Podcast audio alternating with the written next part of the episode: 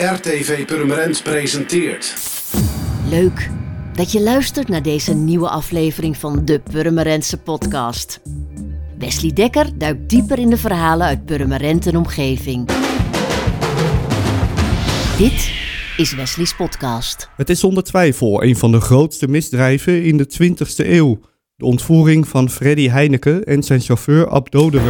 De heer Heineken werd gisteravond om 7 uur voor zijn kantoor aan het tweede weteringsplantsoen door drie onbekenden in een bestelbusje gesleurd. Ook zijn chauffeur, die bij de dienstauto stond te wachten, werd meegenomen. Heineken is ondernemer, er of zoals Ivonie het zou zeggen, Biermagnaat, met ook alweer inspirerende ideeën voor een betere wereld. Waarvan we zullen zien dat die vaak nog verrassend actueel zijn. Geen marketingboek of je komt er in tegen vanwege het ongeëvenaarde succesverhaal van het biermerk dat zijn naam draagt. Na drie weken worden de twee mannen gevonden in een loods in het Amsterdamse havengebied. Ik was zelf ongelooflijk nieuwsgierig hoe ze dit allemaal hadden voorbereid en uitgevoerd. Zo geraffineerd, zo gedurfd, zo ingenieus. Daar wilde ik alles van weten en ik moest dat boek gewoon schrijven. Maar dat is niet het enige, er komt ook een film. Weet jij wat ze met me gedaan hebben? Ze hebben me in een hok gestopt. Drie weken lang. Zonder verwarming. Ik moest mijn behoefte doen op een smerig campingtoiletje. En heb daar 35 miljoen voor betaald. Geen rust mogen ze hebben. Nooit meer. Ja, meneer Wilting, denkt u nog vaak terug aan deze tijd? Aan die tijd denk ik wel, eh, wel vaak terug. Maar dat heeft ook te maken met een theatershow die ik op, waarmee ik op dit moment door het land trek. En daar gaat het ook uiteraard over een van de grote zaken. En dat is de ontvoering van Heineken en zijn chauffeur Doderer. Ja, al- allereerst, eh, Freddy Heineken, ehm, eh, hoe was zijn status in die tijd, in de jaren tachtig? Die status van de Freddy Heineken was natuurlijk heel groot. Eh, niet alleen in Nederland, maar internationaal. Vandaar ook dat er ook internationaal heel veel aandacht was voor deze zaak. Die ontvoeringszaak die is dus begonnen in november 1983, 9 november om precies te zijn. Hoe was de situatie toen? Wat, wat wisten jullie? Nou, in de allereerste plaats, ik werd thuis gebeld s'avonds van Klaas, kom onmiddellijk naar Amsterdam. Want Heineken en zijn chauffeur Doderen die zijn ontvoerd. Dan kom je in Amsterdam en dan zie je dat er overal regisseurs rondrennen die met deze zaak bezig zijn.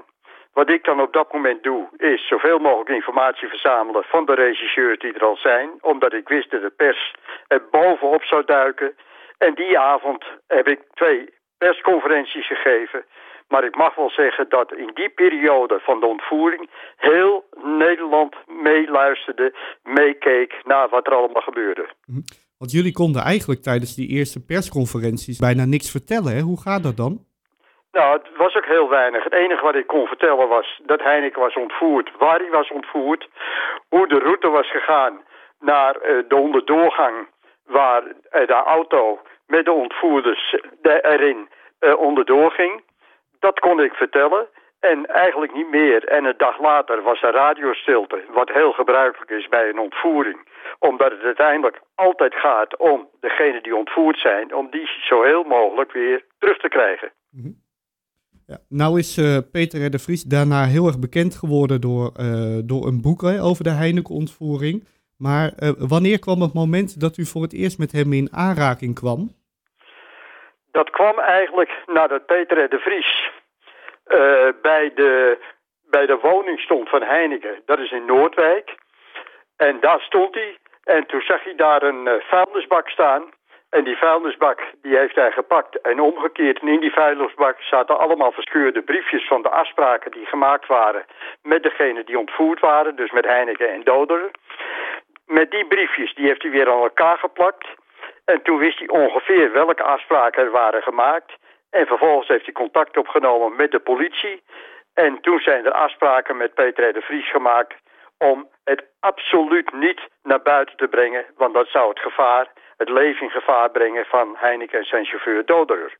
Zou je dat achteraf kunnen eh, bestempelen als een blunder? Dat die papieren gewoon in een, in een vuil, vuilnisbak lagen? Nou, dat is makkelijk natuurlijk altijd achteraf eh, is, dat, eh, is dat te zeggen. Dat is overigens niet door de politie gebeurd. Maar dat is daar in de woning van Heineken gebeurd. En de secretaresse die kreeg de gegevens binnen. Die schreef het op een papiertje. Het papiertje ging de tafel rond.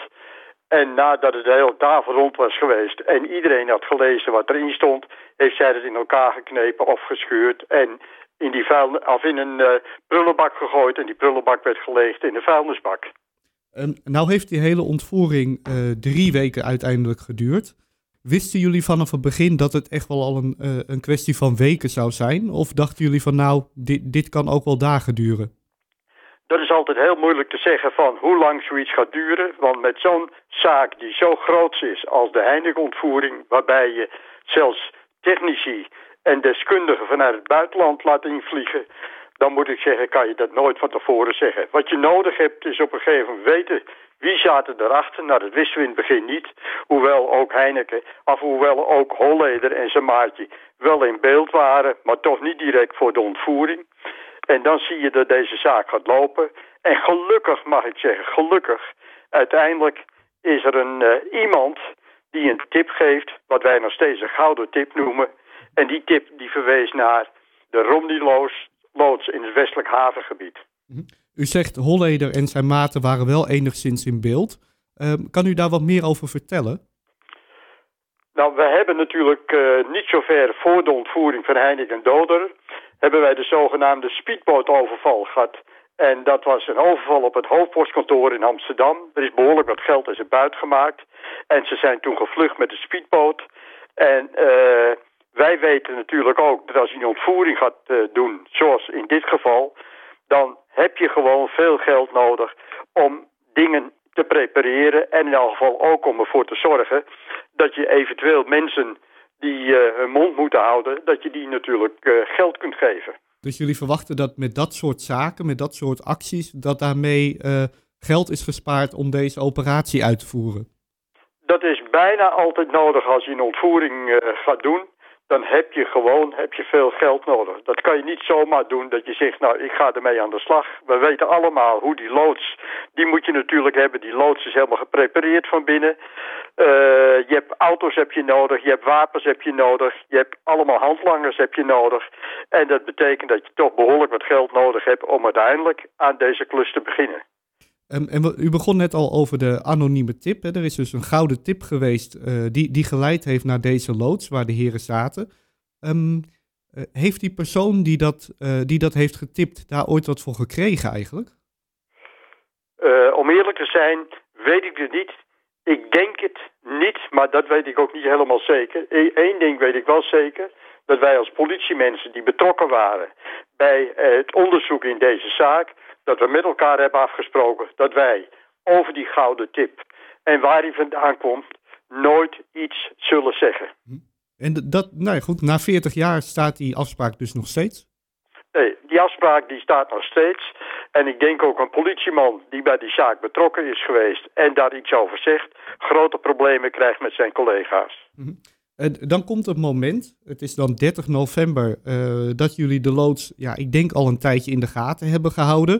Hoe gaat zo'n operatie om daar naar binnen te gaan? Nou, het heeft is inderdaad, hebben wij die loods een tijd in de gaten gehouden nadat we die tip hadden gekregen. Dat betekent dat er een hele groep politiemensen omheen lag, zoals ik het altijd maar noem, die lagen daar in het hoge gras. En die deden niets anders dan die loods in de gaten houden. Eén politieman is zelf naar de loods toegekropen en die hoorde dat er binnen muziek was. Dus er moesten binnen, mensen binnen zijn. En wat er nog een keer bij kwam, en dat was wel heel belangrijk, we zagen elke keer dat er iemand uit de loods kwam en naar een Chinees ging, je daar een aantal postjes Chinees ophaalde en vervolgens weer de loods binnen ging. Hm. Nou, hoe het dan gaat, dan wordt op een gegeven moment besloten om een inval te doen. Daar worden arrestatieteams uiteraard voor uit het land opgehaald en uit Amsterdam zelf. Hm. Die arrestatieteams die zijn daar naar binnen gegaan. Ik zat zelf in de commandoruimte naast de, de, de, de leider van het onderzoek in het hoofdbureau. En op het moment dat ze daar naar binnen waren gegaan, was het eerste wat wij hoorden was ze zitten er niet. Nou, dat was natuurlijk verschrikkelijk. Behoorlijk gevloekt in die kamer.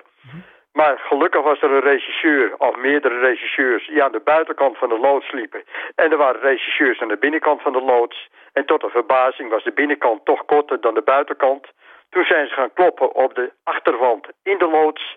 En toen hebben ze daar een deel van weggetrokken. En toen troffen ze Heineken en Doder aan, vastgeketend aan de muur. En uh, toen werden ze uiteraard door de politie bevrijd. Ja, dat is wel een detail wat je niet snel vergeet, denk ik, hè? dat ze vastgeketend lagen. Nee, dat is ook een detail. Daarom zeg ik ook, de ontvoerders, voor mij is het schoren. En waarom is het schoren? Omdat Heineken heeft levenslang gekregen. Hij is wel overleden inmiddels, mhm. levenslang gekregen. Want elke stap die hij daarna deed, waren de beveiligers om hem heen. En Doder is helemaal triest. Ik heb hem nog één keer heb ik hem nog gesproken. En toen het ging over de ontvoering, rolden de tranen over zijn wangen. Dus er zijn twee mensen die levenslang hebben gekregen. Mhm. En de ontvoerders, die hebben maar elf jaar gevangenisstraf gekregen. Mhm. Waarbij ook nog twee, nadat ze twee derde van de straf hadden uitgezeten... toen werden ze ook nog weer vrijgelaten. En zelfs de tijd dat ze in Parijs in dat hotel hebben gezeten... die tijd werd er ook vanaf getrokken. Het is gewoon, als je er achteraf op terugkijkt, is een schande. Mhm. Zou het in deze dagen gebeuren of in deze tijd gebeuren... dan hadden ze minimaal 20 jaar gevangenisstraf gekregen. Ja, want um, door, door een ja, min of meer juridische strijd, kan ik wel zeggen. Um, uh, Willem Holleder en Cor van Hout zijn gevlucht naar Frankrijk. En door een min of meer juridische strijd konden ze heel lang uh, uit handen blijven van de politie. Um, dat is nou denk ik wel heel erg frustrerend. Dat je dus weet waar die mensen zijn, dat je weet wat ze doen, maar uh, dat je ze niet naar Nederland kan halen. Ja. Ja, het probleem was natuurlijk, er was geen uitleveringsverdrag met, uh, met Frankrijk. Vandaar dat ze rustig in het hotel konden zitten. Met als advocaten, uh, dat was vader en uh, zoon Moskovits. Die zaten daarbij en die deden ook het woord over het algemeen. Vervolgens zijn ze overgebracht naar het eiland Sint Maarten. En Sint Maarten bestaat uit twee delen, een Frans deel en een Nederlands deel. Zij zijn geplaatst op het Franse deel. Dat was ook door de Moskovits gezegd. Zorg dat je aan die kant komt, want anders word je alsnog gepakt. Maar uiteindelijk is het zo dat de mensen op het uh, Franse deel, die zijn behoorlijk bewerkt. Ik denk door de medewerkers van Heineken. En die hebben daar verteld van, jongens, wat jullie nou op het eiland hebben, dat zijn een paar grote criminelen. Mhm. En toen wilden ze wel zo snel mogelijk wilden zwichten, zijn ze naar het Nederlandse gedeelte gevlucht. En toen zijn ze gearresteerd en overgebracht naar Nederland. Ja, want u, heeft, uh, u, u, vertelde over de, de medewerkers van Heineken. Die, die hebben ze eigenlijk dus in de gaten gehouden. Die hebben die ontvoerders die gevlucht zijn in de gaten gehouden. Uh, wat is de rol van die medewerkers geweest? Nou, de enige rol, denk ik, dat daar was, dat zij daar op het eiland waren en de mensen daar hebben opgejut. Jongens, wat jullie hier nou hebben, dat moet je zo snel mogelijk kwijt. En daarom zijn ze gevlucht naar het Nederlandse deel. Ja. Was dat een slimme set van Heineken om dit te doen? Uiteraard was het een hele slimme set van Heineken. Was natuurlijk, en terecht, woest dat hij was ontvoerd door, dit, door deze jongens. En dat die jongens nu in feite nog in vrijheid konden leven op het eiland Sint Maarten. En dan kan ik me best voorstellen dat je dan zegt, nou ik ga er alles aan doen om ervoor te zorgen dat ze daar vandaan wegvluchten en hopelijk naar het Nederlandse deel. Mm Ja, Peter de Vries, uh, we hadden het net al over hem. Hij heeft uh, verschillende publicaties gemaakt, onder andere in de Telegraaf. Hij heeft ook een klein boekje geschreven over de kant van de politie rond, rond deze zaak. Maar daarna kwam eigenlijk een veel groter boek uh, over min of meer de kant van uh, de, de ontvoerders. Hij werd ook bevriend met een van de ontvoerders, met Cor van Hout. Ik kan me voorstellen dat dat, dat ook wel lastig is voor u om te verwerken. Nou, ik ken Peter de Vries heel goed. Kende, want helaas is hij, is hij overleden, is hij geliquideerd. Ik kende hem heel goed. En ik heb toch voor mij nog steeds was Peter een hele integere man. Mm We hebben natuurlijk wel knarsetanden gekeken naar zoals hij op een gegeven moment omging en tijdens de begrafenis van Cor van Hout daar ook nog een keer een toespraak heeft gehouden. Dat vonden we wel vreemd. Neemt niet weg dat ik nog steeds denk dat Peter toch heel integer was. Maar goed, zoals u zei, hij ging wel om met dat schoren. Nou, laat ik zo zeggen, hij ging er inderdaad mee om, maar dat had natuurlijk ook een reden. Ten eerste een journalistieke reden. Het betekent dat hij heel, heel veel informatie elke keer kreeg. En een tweede was natuurlijk ook, hij wilde ook zijn boek schrijven. En het derde was, en dat hebben we later gezien, zijn er ook twee films gemaakt over de ontvoering mhm. van Heineken. En daar was hij ook op een of andere manier bij betrokken. Ja, ja maar goed, als ik een boek maak over uw leven, dan hebben wij veel contact. Um, uh, dan, dan kunnen we wel eens ergens koffie gaan drinken. Maar ik kom niet jaren later op de verjaardag van uw kinderen. En dat is natuurlijk in dit geval wel zo geweest. Ja, nou, laat ik zo zeggen, dat bij de politie in zijn algemeenheid werd natuurlijk wel met gefronste wenkbrauwen werd gekeken naar wat Peter R. de Vries dat deed. Maar de vraag blijft voor mij altijd, was Peter R. de Vries te nauw met die jongens betrokken? Was Peter R. de Vries, had het iets met corruptie of weet ik veel wat te maken? Dan zeg ik, dat gooi ik ver van me. Omdat ik Peter zo goed kende en ook heel veel met Peter heb samengewerkt. Dat ik zeg, Peter is voor mij altijd wel integer gebleven. Ehm, dan, eh, dan terug naar de ontvoering, want er is ook uh, losgeld betaald. Hè? Tientallen miljoenen zijn er betaald. Wat is daarvan teruggekregen? Nou, er is 35 miljoen is er, uh, is er betaald in verschillende coupures, opgehaald bij de Nederlandse bank.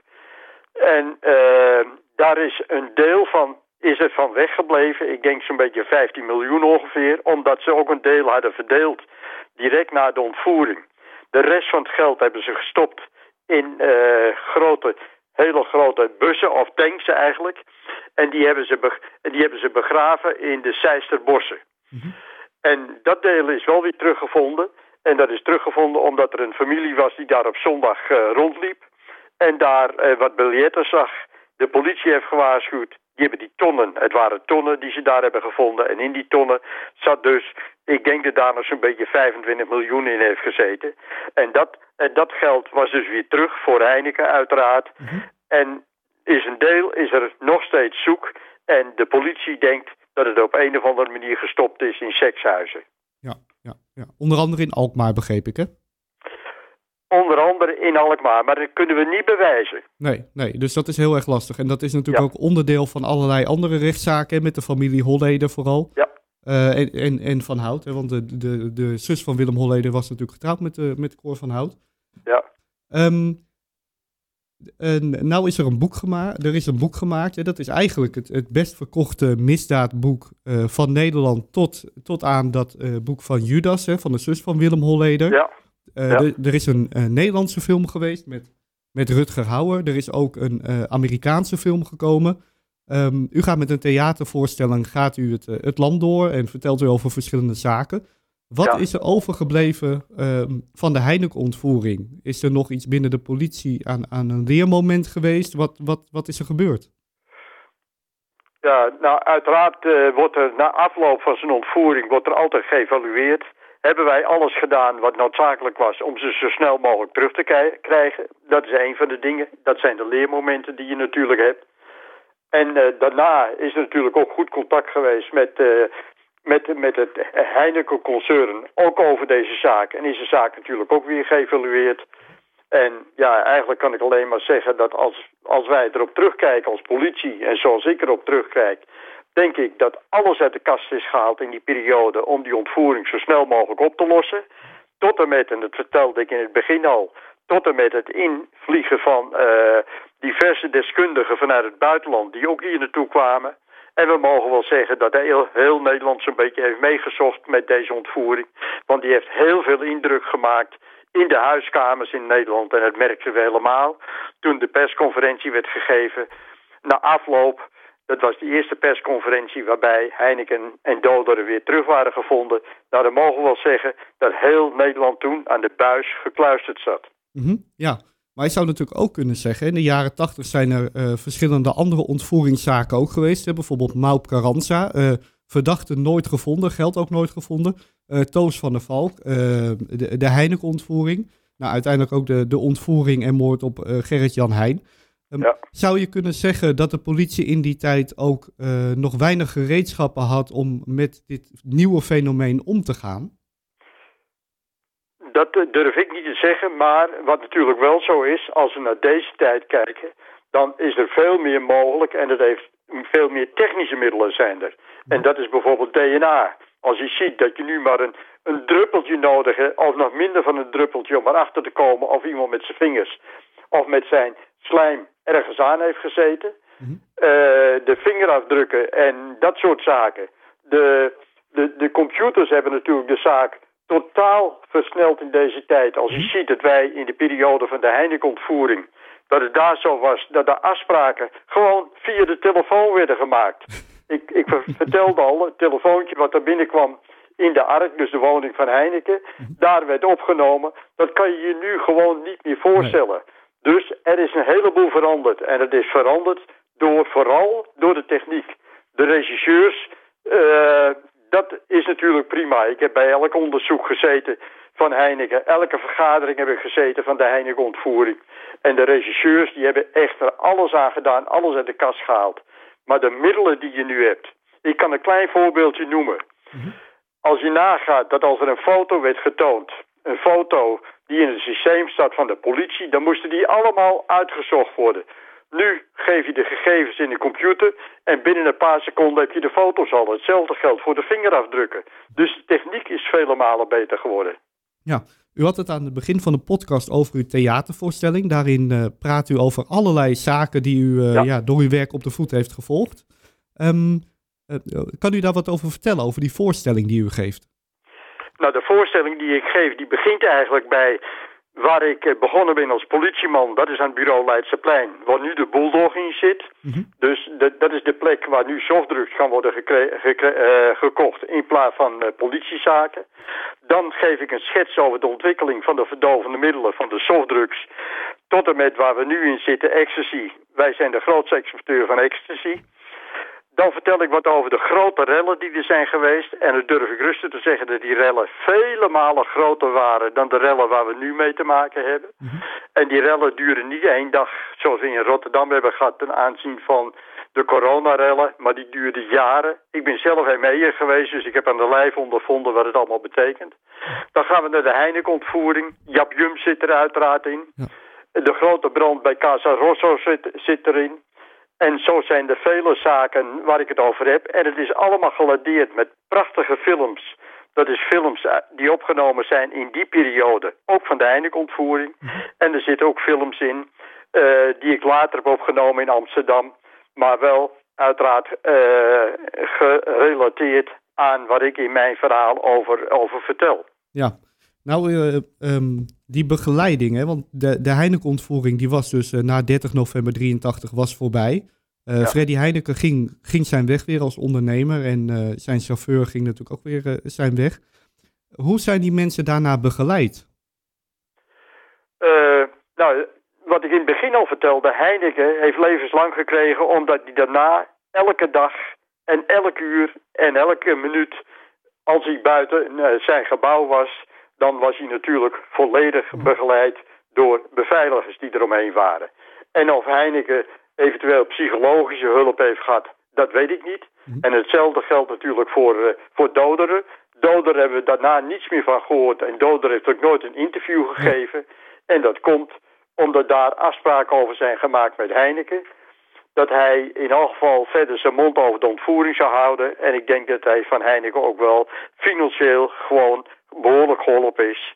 En uh, het is met hem natuurlijk niet zo best afgelopen. En dat heeft gewoon te maken dat het zo'n geweldig indruk uh, op hem heeft gemaakt. Dat hij daar toch heel erg lang, en misschien toch wel tot de dag van vandaag, behoorlijk last van heeft gehad. Ik heb nooit meer wat van, nee. nadat ik me een keer heb gesproken, nooit meer wat van Doderen gehoord. Nee, nee.